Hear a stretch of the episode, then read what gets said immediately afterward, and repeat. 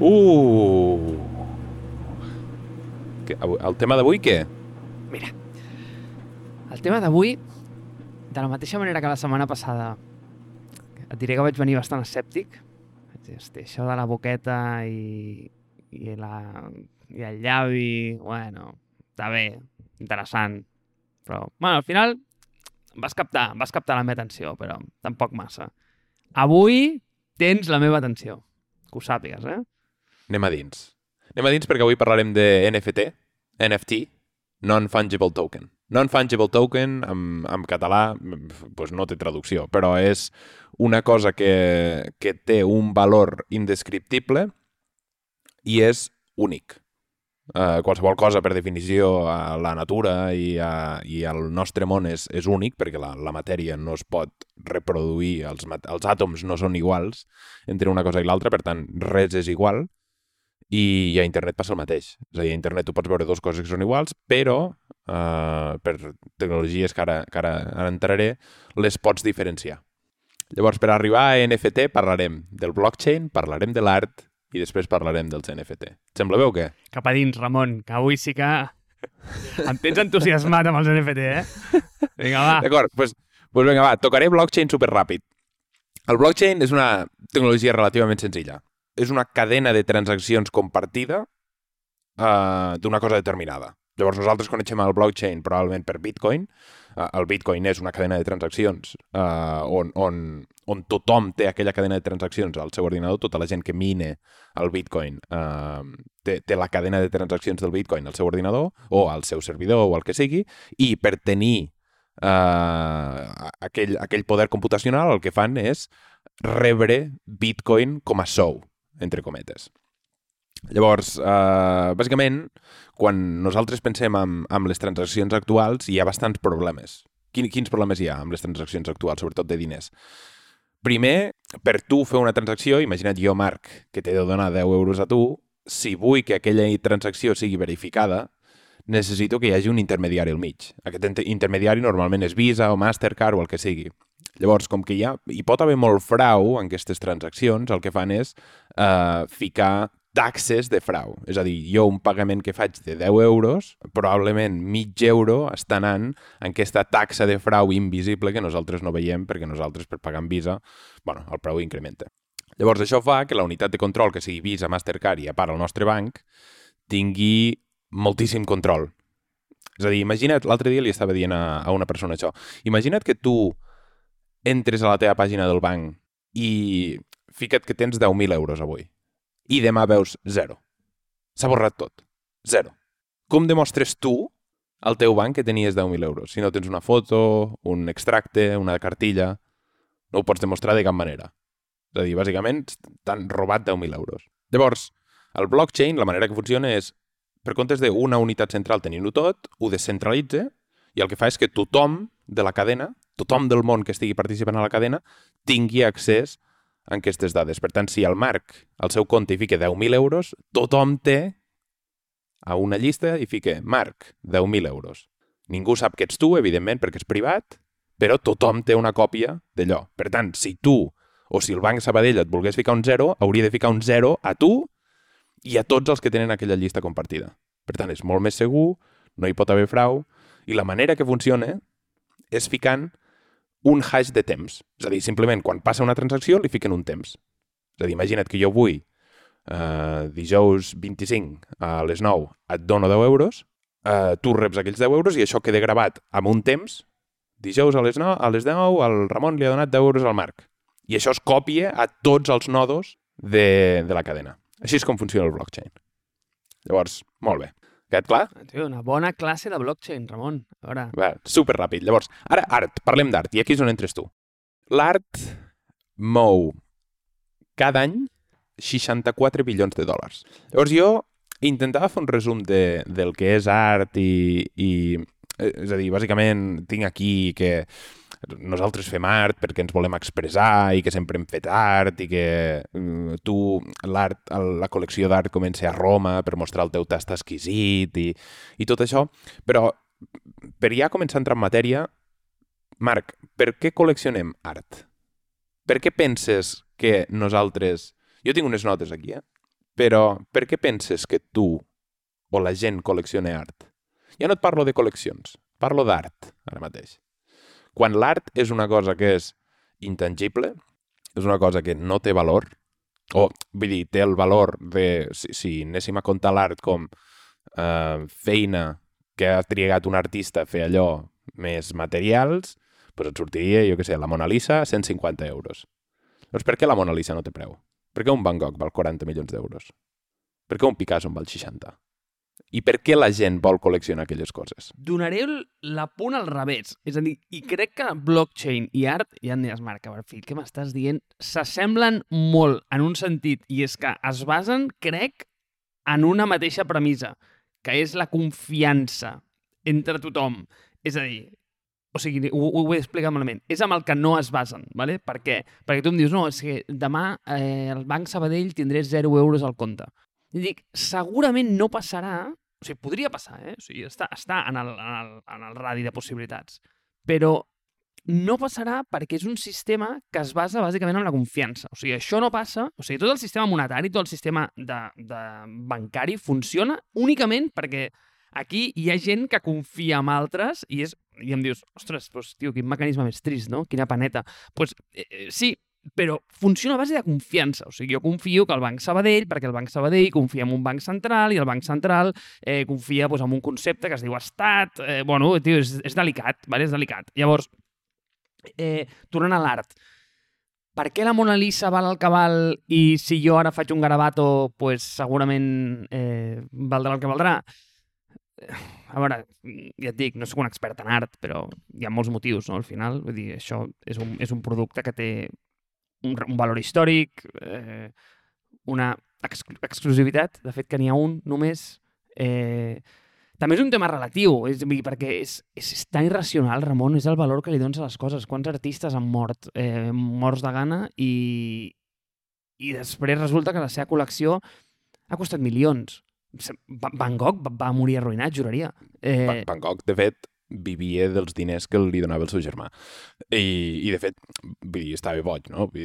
L'oreja de Gogh, al grup, surt de que ell es va tallar l'orella i tal.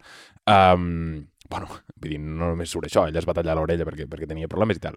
Jo, és veritat que és una cosa irracional totalment, i aquí és on vull anar. És una cosa totalment irracional que nosaltres fem per, bàsicament, dos o tres motius, no? El primer és, uh, si un artista està viu, tu vols apoyar aquell artista, llavors tu li compres una cosa, vull dir, aquest és bàsic, no? Vull dir, mm, jo vull apoyar aquell art i m'agrada aquell art, uh, i és el que li feia el germà de Van Gogh a Van Gogh. El germà de Van Gogh a Van Gogh li deia, té, diners, perquè m'agrada el teu art i el vull apoyar. L'altre d'allò és, hi ha molta gent que compra art per especular. Un valor segur, no? És a dir, si tu compres un Gogh avui per 40 milions, probablement mm, d'aquí dos mesos, com que Gogh només n'hi ha un, com has dit tu, el podré vendre per 48 milions d'euros. I hauré tret 8 milions d'euros de, de, de benefici. I, I hi ha una part de l'art que em va semblar molt interessant quan vaig estar llegint, que era l'art es col·lecciona per fer col·leccions socials del teu mateix estatus. Connexions socials del teu mateix estatus. uh -huh. Uh, no entraré aquí, perquè em sembla absurd. Uh, quatre elitistes parlant dels Van Goghs que tenen. Sí, és que no em sembla gens absurd, és que realment em sembla com un com una, una funció inherent en el, en el concepte. I et posaré un altre exemple com més fàcil. I, I jo crec que això és un vehicle social que es dona com per acceptat, però, ostres, Ramon, és la cosa més comuna del món. La gent, per què va a una universitat privada? Per què els papes porten el nen a una universitat privada, a una universitat a pago? Bueno, doncs perquè es barregi amb els de la seva espècie, amb els de la seva calanya i, i, i la perpetuïn una mica, no? Eh, a veure, vull dir, estem molt lluny de Juego de Tronos, però la vida socialment tampoc ha canviat gaire. És a dir, les necessitats humanes són les mateixes. Eh, no ho sé, tu veus... mm, A veure, és que el que diré és molt lleig, però com... És a dir, la classe alta de Barcelona, d'on sigui, es, perpe- es perpetua en base a això. O sigui, tu portes els fills on juguen els fills dels teus amics, llavors ells s'ajunten, ells s'agraden, ells fan fills, perpetuen i tot segueix rodant. I no dic que tot sigui una màfia organitzada, però, bueno, però més o menys és, és, és aquest rotllo. Llavors, si jo tinc un... Com et diria?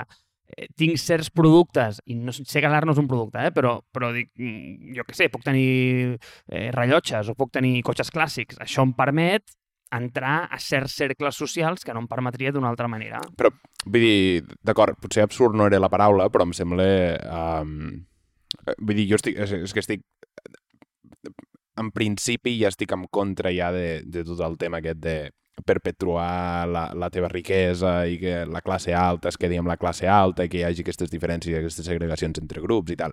Per això em sembla una cosa que em sembla elitista, bàsicament, eh, que, que, que un dels punts més interessants de per què la gent es col·lecciona art, és a dir, vaig, vaig estar llegint com a 20 articles i la gent et deia sí, pel seu valor i tal, però tothom et deia no, per crear connexions socials amb altres estatus i tal.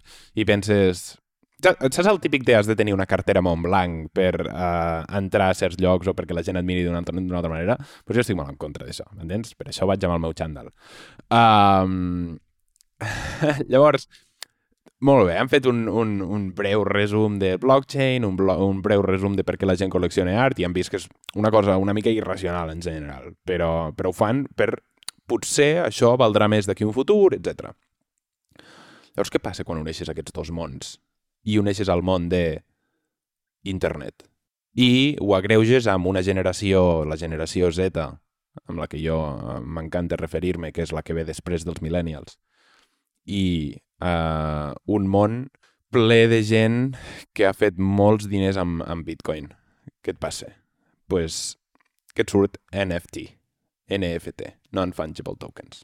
I aquesta, i, i, i bàsicament, la base dels NFTs són agafar peces d'art o peces fet, fetes per artistes a internet, ficar-les a un marketplace a internet i vendre peces úniques a gent dins d'una subhasta. I tot això es basa en blockchain. Llavors, per què la gent està interessada en això? Ara hi entrarem. Però diré una mica com funciona i llavors ho veurem claríssim.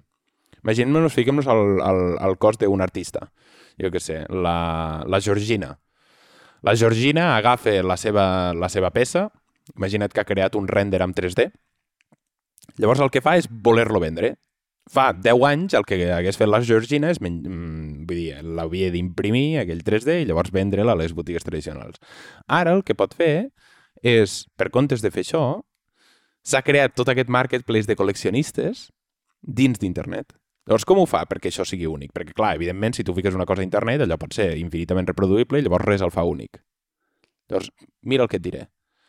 Um, ell el que fa és encunyar-lo. Encunyar-lo, una moneda s'encunya. El que fa és encunyar-lo al blockchain d'Ethereum.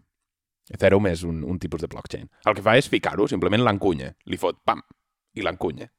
Per fer això, paga uns 200 dòlars, més o menys. Vull dir, per això és tan car el món de l'NFT pague 200 dòlars. Pam. I ja està dins del blockchain d'Ethereum. Llavors allò fa que aquella peça de, de, de la Georgina sigui única. Única al món. És a dir, sí que és veritat que els píxels són reproduïbles infinitament, però cap té el timestamp aquell de dijous 25 a les 9 eh, i 20 del matí. Cap. Llavors ell el que fa és ficar-ho en una subhasta. Ho fiquem en una subhasta, la gent, la gent fica diners, i qui fica més diners al cap del dia s'ho quede i entre allò al seu, a la seva cartera digital. Llavors tu sempre podràs veure i sempre podràs dir que tu ets el... perquè tot això és públic, que tu ets l'owner d'allò, d'aquella peça de la Georgina. Llavors, això que sembla una tonteria, perquè qui pagaria per una cosa que és infinitament reproduïble, és uh, un dels marketplaces que més ha crescut a l'últim any i just la setmana passada, abans de gravar això, vaig aconseguir que el Marc perdés el cap quan li vaig passar el Nian Cat. El Nian Cat és aquell gat que és una, tost, una torrada que gira i que, i que té un, un d'allò que li surt del cul, un, un arquiris que li surt del cul, un art de Sant Martí. I això es va vendre per 600.000 dòlars. 600.000 dòlars, Marc. Mig milió d'euros. 300 Ethereum. Llavors això ja no és un nixa. Ahir es va vendre una figura de Daft Punk per 25.000 dòlars. Però això és una cosa real que està passant la gent està col·leccionant un GIF infinitament reproduïble, tu podries anar a la pàgina que linkarem als show notes i guardar-te aquell GIF. La gent està pagant 600.000 euros no pel GIF, sinó pel timestamp que el fa únic. Sí, opino que ens estem centrant en una part molt petita del problema. És a dir, ens estem perdent com el bigger picture. No sé com es diu això en català. Ho, ho he intentat en el meu cap, eh? però no, no, no me n'he no, no sortit. és a dir, estem agafant la minúcia i no estem veient com la importància i la rellevància que té això. I, la veritat, sí, vaig perdre el cap quan vaig veure allò, em va semblar... Eh, estar, o sigui, em va semblar molt fort, la veritat. Però és que per una banda ho vull entendre, però per l'altra em costa, però hi ha una part de mi que ho racionalitza. Eh, o sigui, entenc per què s'ha pagat el que s'ha pagat per al gatet amb l'arquiris eh, sortint-li pel cul, però d'altra banda em costa, però penso és que té sentit perquè és que està passant el mateix que passa en el món real, però en el món digital. Llavors, anem per parts. Primer de tot, blockchain, el que hem tocat abans. Jo crec que això ho han passat com per sobre d'una manera així una mica per explicar eh, què és i com funciona. Eh, bàsicament, eh, blockchain és el motor que, o sigui, que activa la, doncs, totes les cadenes de, de, de, de Bitcoin, d'Ethereum, el que vulguis, però a veure, o sigui, anem a veure. Si tu em preguntes quina és la invenció més rellevant que hi ha hagut el, en aquest mil·lenni, o sigui, sens dubte, jo et diria, sens dubte, et diria que és eh, el blockchain. Sens dubte. I la seva aplicació del Bitcoin, en el sentit de que, ostres, és un producte que és, o sigui, que s'ha quedat estàtic, perquè d'alguna manera no, no, no, no ha progressat, no ha evolucionat, perquè és un producte fixat, que ha desbancat fins a cert nivell l'or com a valor refugi. O sigui, sé que ets escèptic, però deixa'm que et digui, Ramon. O sigui, per mi això està al nivell de qui collons es va... O sigui, així que no estem parlant de, de Facebook o de Twitter, tio, estem parlant de conceptes tan transversals com el crèdit. O sigui, qui collons va inventar el crèdit? O sigui, els Medici. Però, tio, o sigui, qui va inventar el crèdit, o sigui, és el puto millor invent que s'ha inventat mai. O sigui, literalment estàs fotent calés de l'aire. Però és que el Bitcoin és el mateix. O sigui, ningú ha aconseguit una cosa així. O sigui, literalment aquest paio, bueno, o, aquest grup, clar, aquest és el problema, que tothom apunta el Zuckerberg, tothom apunta Chuck Dorsey, perquè, bueno, aquests els veiem, però... O qui cony és el Nakamoto? És el Satoshi? Ningú sap qui és. Llavors, és que és brillant, o sigui, la, la invenció, per mi, eh, més brillant que s'ha fet mai a la història moderna i no, i no tenim ni idea de què és el paio. O sigui, és que és sorprenent. A mi, a mi això m'explota el cap, però... Eh, espera, anaves a dir alguna cosa? No, bueno, anava a dir... O sigui, jo, jo no tinc problema amb això. Jo, jo penso que el, el, el millor invent de dels últims 100 anys és internet, sense dubte. I, o sigui, sens dubte. Es pixa el blockchain. Um, no, no vull entrar-hi, però... I jo l'únic que tenia problema amb el que has dit és que el bitcoin té l'avaluació de l'or o, o que el bitcoin Uh, en parlarem un dia de, de la cripto, però, però tinc els meus dubtes. Aquest és el target price que tenen el Winklevoss. Eh? És uh, un bitcoin 500.000 dòlars basat en tots els diners que tenen el, el, uh, o sigui, la gent a l'or, però l'or sí que és l'estructura d'estat o sigui, tot el preu de les coses es basa en tot l'or que tenen els estats, o tenien els estats als 60, fins que Nixon s'ho va cregar i tal.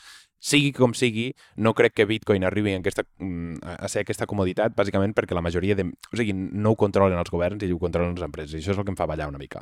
Llavors, ho trobo tot una mica artificial. Mm.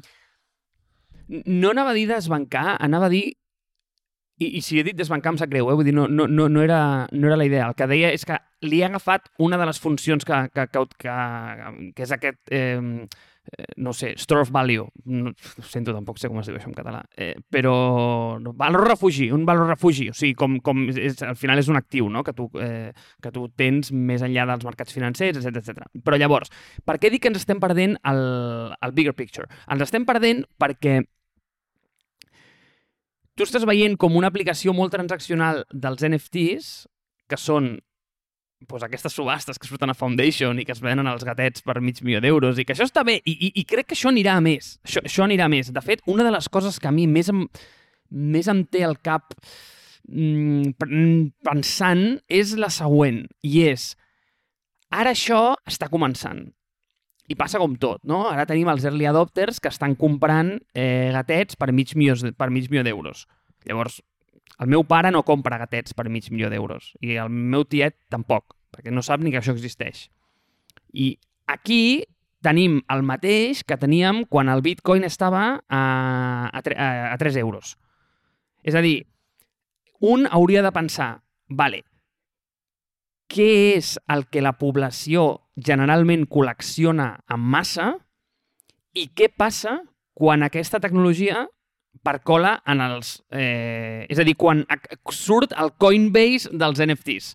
És a dir, què passa aquell dia? Què es col·lecciona? Perquè, clar, aquí això ja està començant a caure por los lares del... com es diu? Eh, de les NBA, de les cartes de la, de, de la NBA o dels vídeos de la NBA o aquestes coses. Exacte. Bueno, és que aquí anava. És a dir, abans d'entrar aquí, jo, jo et preguntava, d'acord, la bogeria de col·leccionar. Perquè és el que tu dius, sí. A, això entre i, i es destile molt més a, a altres punts de la societat. Per exemple, una de les coses que vaig veure la setmana passada és gent que pagava eh, amb cripto per tenir ownership, és a dir, per tenir un, un, un, una acció, diguéssim, o una participació d'un article. Un tio que volia escriure un article i deia escriuré aquest article, em portarà dos mesos, eh, el fico per 14.000 dòlars. Si tu vols una participació, compra-la. Es van vendre 10 participacions en un minut, 1.400 euros per participació i aquest tio ara té 14.000 euros i podrà es- escriure el seu article tranquil·lament. Això es va fer en un minut. Un minut. Llavors, sí que hi ha moltes... Clar, hi ha moltes d'allò, però volia ficar el context de 500.000 euros. 500.000 euros és el que es paga per un GIF de 12 segons a internet. Llavors és el que tu dius, el marketplace de la NBA. El marketplace que més ha crescut de la història de la humanitat en 30 dies. Ha fet 50 milions d'euros. I el que es dedica és bàsicament a agafar un partit de la NBA al talle, fa clips de 7 segons i els fica a la venda. I la gent està pagant 35.000 euros, 100.000 euros, 80.000 euros, 60.000 euros. Llavors, Marc, sí que és veritat. Això ha arribat a un punt que és uh, la NBA. Tothom mira la NBA. Però qui collons té 35.000 euros per pagar un, per un vídeo de 7 segons que pots ara mateix anar a YouTube i mirar-lo exactament el mateix? Per què vols aquell vídeo? Ac- Per què vols aquell vídeo? Quin valor et dona? Quin valor penses que tindrà? És a dir, quan tu fiques l'exemple de... Sí, però és que hi havia cromos abans. Ja, però és que de cromos, per edicions especials que se'n pague 2.000 euros, d'acord, 2.000 euros per un, per un cromo. Però és que només hi ha un cromo. Aquell vídeo no és únic, aquell vídeo és infinitament reproduïble. Llavors, què me l'estàs fent? Perquè me'l vas comprar aquí. O sigui, me l'estàs venent per 35.000 o per 100.000 euros. Llavors, jo el que et dic és, l'únic problema que tinc, i ara ja et deixaré parlar, és, de cromos només n'hi ha un. De vídeos se n'estan afegint cada dia centenars. Perquè hi ha centenars de, de partits, també. Llavors, quan tu exponencialitzes la quantitat de demanda o d'oferta, de, el preu ha de baixar. I l'únic que estic veient és que el preu, puja, eh, el preu puja. I llavors a mi això em sona a bombolla. Veus, aquí és on estic o sigui, diametralment oposat i en desacord. O sigui, a veure, és que és exactament el mateix que tenir una làmina de la Mona Lisa. La puc replicar infinites vegades, però l'original només és una. Per què no? Perquè la làmina de la Mona Lisa, o qualsevol cosa de la Mona Lisa, va ser una cosa feta, pintada... Um, o sigui, la Mona Lisa en particular, per exemple, és, una, és un quadre que es va robar dos vegades, va ser l'obra de Da Vinci feta durant, durant X temps, uh, i tu per veure la Mona Lisa real has d'anar al Museu del Louvre, a França, uh, i, i està entre, entre centenars de persones, llavors pots veure la Mona Lisa real a dos metres de distància, sense poder-la tocar i amb un metacrilat a, a davant. Llavors, jo no, jo no estic dient que això sigui racional, però una còpia... Primer, que una còpia exacta probablement no existeix, i segon, que tu no tens el mateix canvas amb la mateixa pintura, amb els mateixos, amb els mateixos allò. Tu simplement tens una fotografia. Tu estàs pagant o estàs veient una fotografia. Aquí no. Aquí jo estic ficant un vídeo, l'estic dividint o l'estic eh, exportant 20 vegades, un el penjo YouTube i un el venc per 100.000 euros, i l'únic que el fa diferent és que aquest té un timestamp i que s'ha venut a, un marketplace.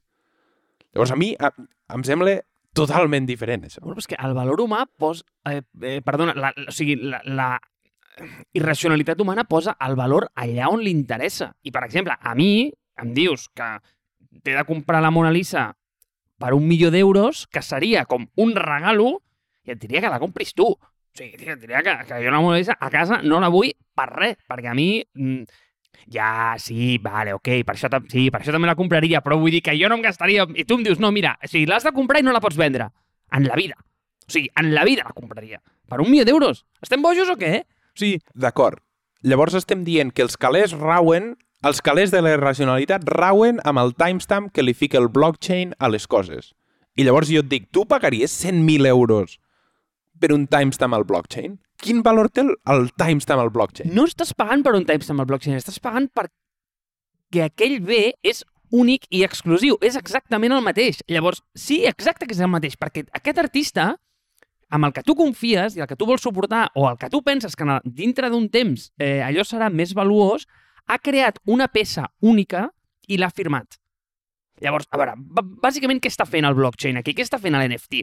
A veure, el software inherentment té un defecte... bon- Perdó, no, no, no, no, no, no és un defecte. És com, eh, és una característica, el que és el que el fa únic i, i el que ha activat, eh, bueno, o sigui, el que ha arruïnat els diaris eh, i el que ha fet, eh, no ho sé, que productes com Spotify o com, eh, no sé, per exemple, mm, eh, bueno, eh, productes de subscripció puguin existir, que és que és infinitament replicable. Tu pots fer tantes còpies com vulguis i pràcticament ho pots fer a cost literalment zero. Llavors, això què és el que passa? Pues que entres en una guerra deflacionària de preus, que totes les coses, pues, evidentment, perden el valor. Llavors, què fas amb els tokens? Estàs dient, ei, ei, ei, ei, aquest producte o aquesta cosa que jo he posat que és infinitament replicable i, com bé dius, em puc generar tantes còpies com vulgui, aquesta és la que jo firmo i aquesta és la que acredita que això és l'obra original. Llavors, que tu això no li vols donar valor, a mi em sembla bé, perquè jo tampoc compraria la Mona Lisa. Vale? I, i, I està bé, està bé. Però és que no és això. Aquesta és la cosa. O sigui, amb la Mona Lisa li estàs donant valor a que aquella és realment l'original i li estàs donant valor perquè, vull dir, aquella és la que va ser robada, aquella és la que va ser pintada, aquella és la que va ser d'allò. Tot l'altre són fotografies. Fotografies. Tot l'altre són fotografies. Però tu li estàs donant valor no a l'objecte en si, sinó a la signatura. No estic I d'acord. allò, per mi, no té cap valor. No estic d'acord, no, no estic 100%. d'acord, perquè... No, clar, però aquí has d'entrar en un tema. És a dir, tu imagina't que tu, Ramon, demà eh, et crees el teu art digital i el poses a, eh, i, i el signes. I tu dius, d'aquest només n'hi ha un. I aquest és el meu. Aquest és, aquesta és l'obra que jo he posat al món. Si tu, el dia següent, en comences a firmar altres com un sonat, estàs inherentment deflacionant el valor d'aquell producte. O sigui, també en la perícia de, de l'artista està que només en signi un, òbviament, perquè llavors estàs posant... O sigui, bàsicament la bellesa d'aquest producte o, o d'aquesta idea de l'NFT és que ha aconseguit el que ningú mai havia aconseguit abans, que és donar escassez en un producte inherentment infinit, com és el software. Però, molt bé, i jo penso, i jo el que estic dient, i per això no puc entendre els NFTs, és que és una... O sigui, li està donant una exclusivitat inexistent. No existeix aquella exclusivitat per definició. No em crec que la gent estigui fent això perquè pense que allò pujarà de valor quan si tu mires aquests marketplace de, de coses estan saturats ara mateix, imagina't quan això arribi a tothom i tothom ho estigui començant a saber, uh, i, i s'està venent un art que està no a l'accés de molts, perquè vull dir, per exemple, ma mare és pintora i ven quadros per 100, 200, 300 euros, si només encunyar un quadre ja val 200 euros, imagina't aquí està a l'accés d'aquí. Uh, per això penso que ja s'està pagant un preu un preu totalment uh, totalment absurd. Són 200 euros de- d'encunyar-ho, de, 200 euros de rebre-ho, perquè tu també has de moure del blockchain general el teu blockchain i tal, o sigui, ho has de firmar i tal. És a dir, són molts diners que val només fer les transaccions. Llavors, aquí és on... Aquí és on a, a, això és el, que, el, el meu problema amb tot això, és que tu li estàs ficant valor no a l'objecte en particular, fiquem-nos en el meu cas. Jo faig una peça d'art i la fico. I tu agafes i copies aquella peça d'art, per estar la, dir, per, tu l'has de veure, no? La pots agafar i la fiques a internet i dius, mira, això s'acaba de vendre per 5.000 euros. No s'ha venut aquella peça d'art. S'ha venut la meva firma. Vale. O sigui, veig per on vas, però és que crec que aquesta conversa en si té dos problemes. O sigui, el primer problema que tenim és que l'estem focalitzant massa en si això és una bombolla o no és una bombolla i, el, i només com en l'aplicació dels tokens en l'art digital. Llavors, a mi això em sembla un problema perquè, en primer lloc, si és una bombolla o no és una bombolla, deixa'm que et digui que la nostra opinió val més aviat poc, perquè, per exemple, eh, el Marc va vendre el 2015 10 bitcoins amb, eh, em sembla que, és que no sé si valien no sé, 300 euros, una cosa així, perquè literalment es pensava que era una bombolla. O sigui, jo, jo veia que allò era una bombolla. Si els vaig comprar a 40 euros. I, i, I quan estaven com a 150 vaig dir, Déu meu, això s'ha de vendre perquè això és una, és una bombolla. Mai havia tingut un retorn així amb cap producte. I Déu meu, si es tingués ara tindria mig milió... No, no vull pensar, no vull pensar, no vull pensar. Estic bé, estic bé, estic bé. Mig milió d'euros. No, no, no, no, estic bé, estic bé, estic bé, estic bé, estic bé. Espera, espera, espera, espera, espera, espera, espera, espera. Perquè ara per mi ve el segon punt que ens estem perdent. I és que ens hem centrat molt com en el... I, i aquest és el, això és el que no vull que, que la gent es quedi amb això. És a dir, no vull que la gent es quedi amb que els NFTs és només vendre gatets per mig milió d'euros. És a dir, això té un potencial d'aplicació gegant. I per això et deia, on està la següent indústria que explotarà això? És a dir, què passarà amb el segon ordre de, de magnitud eh, d'aquest producte? És a dir, què passarà quan el meu pare es dongui compte que funcioni? I llavors jo això que, sé que això passarà dintre de molt temps, no? Però el, el pas intermig, per mi estan, ei, quines indústries poden beneficiar molt d'això? I inherentment penso en el gaming, no? És a dir, qui, intento pensar com en primers principis. És a dir, què té els tokens que activen altres indústries o altres, eh, o altres productes. I per mi és claríssim, no? Vull dir, tio, és, és, és una cosa que és eh, doncs estandardització, eh, interoper interoperabilitat entre, entre, entre plataformes, eh, fas que les coses es puguin, eh, es puguin canviar, els hi dones liquidesa, els hi dones, eh, al final, com a autenticitat, no? I, i són valors que, per exemple, no, la gent no n'és molt conscient, però es mouen milions, bueno, jo crec que bilions amb, amb jocs que són eh, free to win. O sigui, amb jocs que literalment l'únic avantatge que té el joc és comprar skins. Però clar, quin problema tens? Que jo aquest skin no me'l puc endur del League of Legends al Fortnite i del Fortnite a un altre. Però és que, per exemple, el tema dels tokens, tio, si no només és amb l'art, és que la gent està comprant terra, o sigui, eh, land, o sigui, sol digital, i estan posant una casa, i s'estan comprant un armari, i l'estan posant allà dins, i tot això no existeix en lloc. Eh, però a, el fet de que hi hagin aquests tokens el que fan és que jo puc agafar-me aquesta casa i aquest armari i el puc fotre... Eh, no, no és el cas perquè això és una plataforma tancada, però me'l podríem portar al League of Legends i podria plantar allà l'armari, com si diguéssim. Hi ha com aquesta interoperabilitat i ho fa tan transversal que literalment s'està construint com la fundació i les tuberies que fan això, que fan això possible. O sigui, literalment estem tirant les, els cables de fibra dels anys 90, com si diguéssim. Sí, però a qui li interessa això? És a dir, aquest era el meu últim punt, eh? El, estava ficant com a exemple el Coun- Counter-Strike. Tu el Counter- Counter-Strike pots comprar-te roba, pots comprar-te armes. Tu penses que a Counter-Strike li interessa que tu agafis una arma de Fortnite i la portis a Counter-Strike? Quin, quin share rep Counter-Strike de tot això? Si el seu model de negoci es basa en vendre aquestes coses. Li interessa el mateix que li interessen els governs que existeixi Bitcoin. Zero. I llavors, Zero.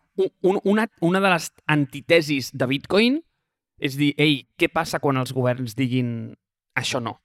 Clar, el valor, Exacte. vull dir, ja et dic, o sigui, se'n va al terra, però demà.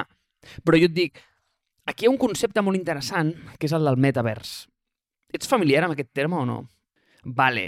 Eh, no, per, ja no, t'ho pregunto perquè és un tema com una mica, és una mica nicho. Eh, bàsicament, i no vull entrar en aquí, però els NFTs són els activadors no principals, però un dels d'aquest concepte.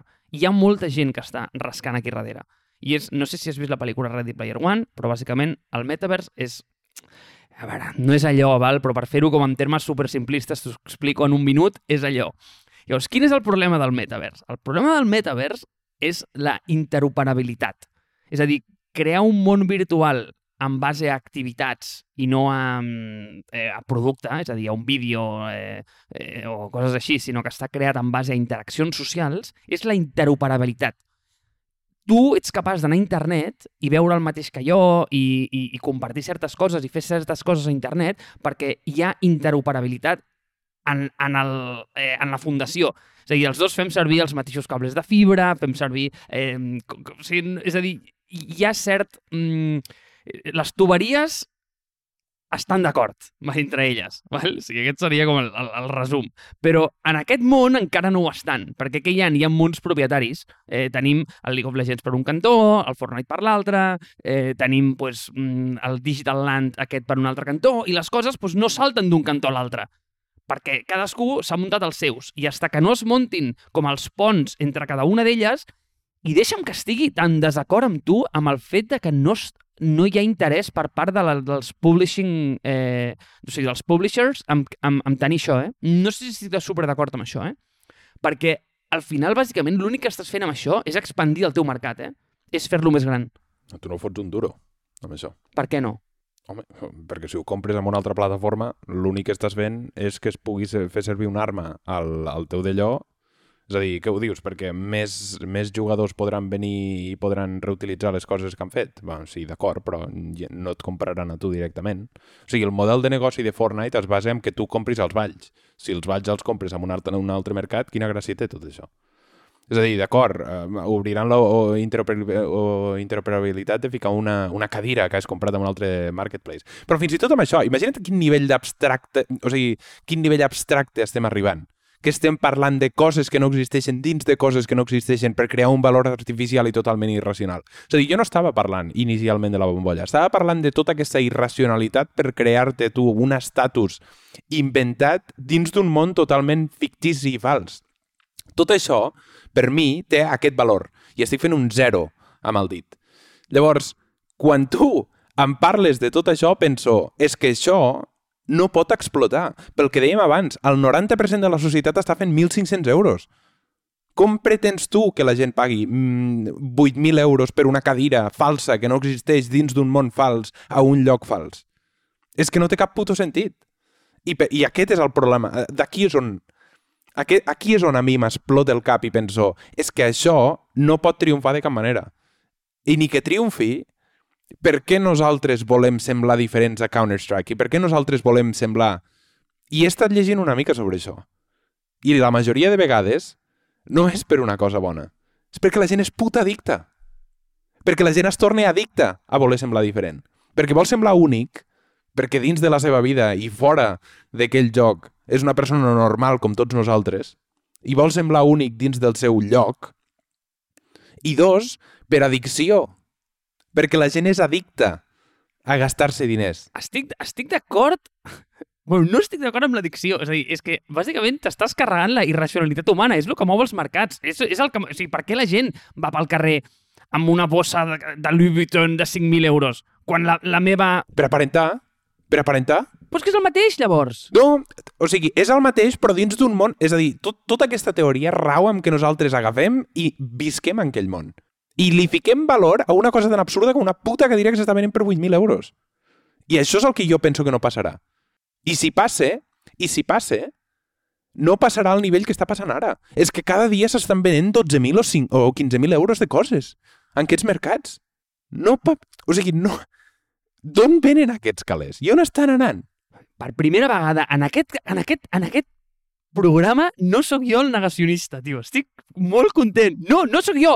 No sóc jo, perquè... No, és veritat, és veritat. Sóc jo. Sóc jo perquè no... Perquè, o sigui, i per això em fique tan nerviós i m'apassione tant aquest tema. Perquè no l'entenc. No entenc d'on estan venint les coses i per què estan venint les coses. I no li veig al mainstream general, perquè si només encunyar una cosa val el 10% del sou d'una persona normal de Barcelona, quin puto sentit té això? Qui ho pot fer, això? Quina societat elitista estem creant? Quin, quin món és a dir, estem creant Ready Player One, però el tio és un pobre que viu en un, en un contenedor. Quin món estem creant? La gent que tindrà els cotxes més ràpids seran els més rics que s'han ficat abans una altra vegada, com ha passat amb Bitcoin. Pues quina merda de món estem creant. No, tio, o sigui, és que tu ho has dit, estàs creant el Ready Player One, primer, perquè em sembla inevitable, i segon, perquè jo crec que t'has de preguntar fins a quin punt, i aquesta reflexió és interessant, eh? És a dir, el món està tan fotut o sigui, vivim en una merda de món tan bèstia, per molta gent, eh? O sigui, la seva realitat és tan deplorable que és més barat muntar-ne un de nou que arreglar el que ja tenim.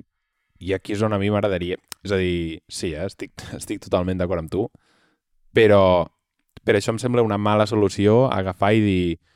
Um, marxarem i crearem un món millor perquè nosaltres som uns, uns nens privilegiats que tenim aquí calés perquè ens van vendre 10 bitcoins, no com el Marc a 300 euros, sinó que ens, el van, els, van, ens els van vendre a 25.000, per tant tinc 250.000 euros al banc de bitcoin i ens els gastarem amb taules i cadires per quan ells vinguin a la meva mansió, com que la meva vida és una puta merda, que veguin ells eh, tot el que aparento jo al meu món irracional i al meu món que no existeix. Em sembla tristíssim. Però és el que fa... És, és, és el que fa la societat. O sigui, a veure, Ramon, a veure, o sigui, no, no ens enganyarem. Això, això que estem vivint tu i jo a dia d'avui, Tio, et sembla realitat, però... Bueno, és que això és una teoria meva, però... Bueno, no, no és una teoria meva, però és el que jo crec. Això és una puta simulació, vale o no? Llavors, és a dir, bàsicament estàs creant una simulació... Estàs creant el món de sota. O sigui, estem creant el món de sota. Ja està, estem evolucionant, és normal. Est molt bé, estem creant una simulació... És a dir, quan puguem crear la simulació humana, estic d'acord, però cap de les persones, cap zero de les persones que ara està col·leccionant, uh, d'aquí un temps... Uh, és a dir, ho, ho viurà. I llavors que ho està fent? Oh, dirà, no, el meu rebesavi va comprar la Terra aquí, en aquest món virtual, infinitament reproduïble i infinit, i la va comprar i per això ara sóc multimilionari. Doncs pues mira, ara no faig un zero. Ara trec el dit del mig i dic que us donguin pel cul a tots. No estic d'acord amb aquest món, no estic d'acord amb aquesta especulació i no estic d'acord amb aparentar ni en aquest món ni el món eh, on vindrà. I per cert, vull parlar de lo de la simulació. Apunta-ho el tema.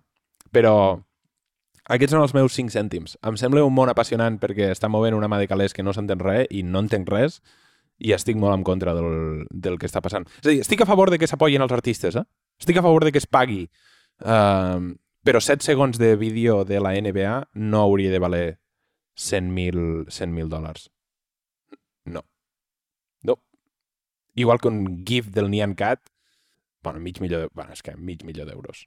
Bueno, és, és igual. Sí, a la merda tot ja, home. Vinga, va, tanca la pestanya i posa't a aprendre 3D, a veure si fas alguna obra a l'encunyes i fotem quatre calés perquè s'afreig, home. Ho farem així. Ramon, que no t'havia vist mai tan enfadat, home. bon dia. És que estem, home, bon dia. Estem, estem perpetrant tot el dolent que té la nostra societat a la societat aquesta descentralitzada que nosaltres estem fent. Em sembla trist.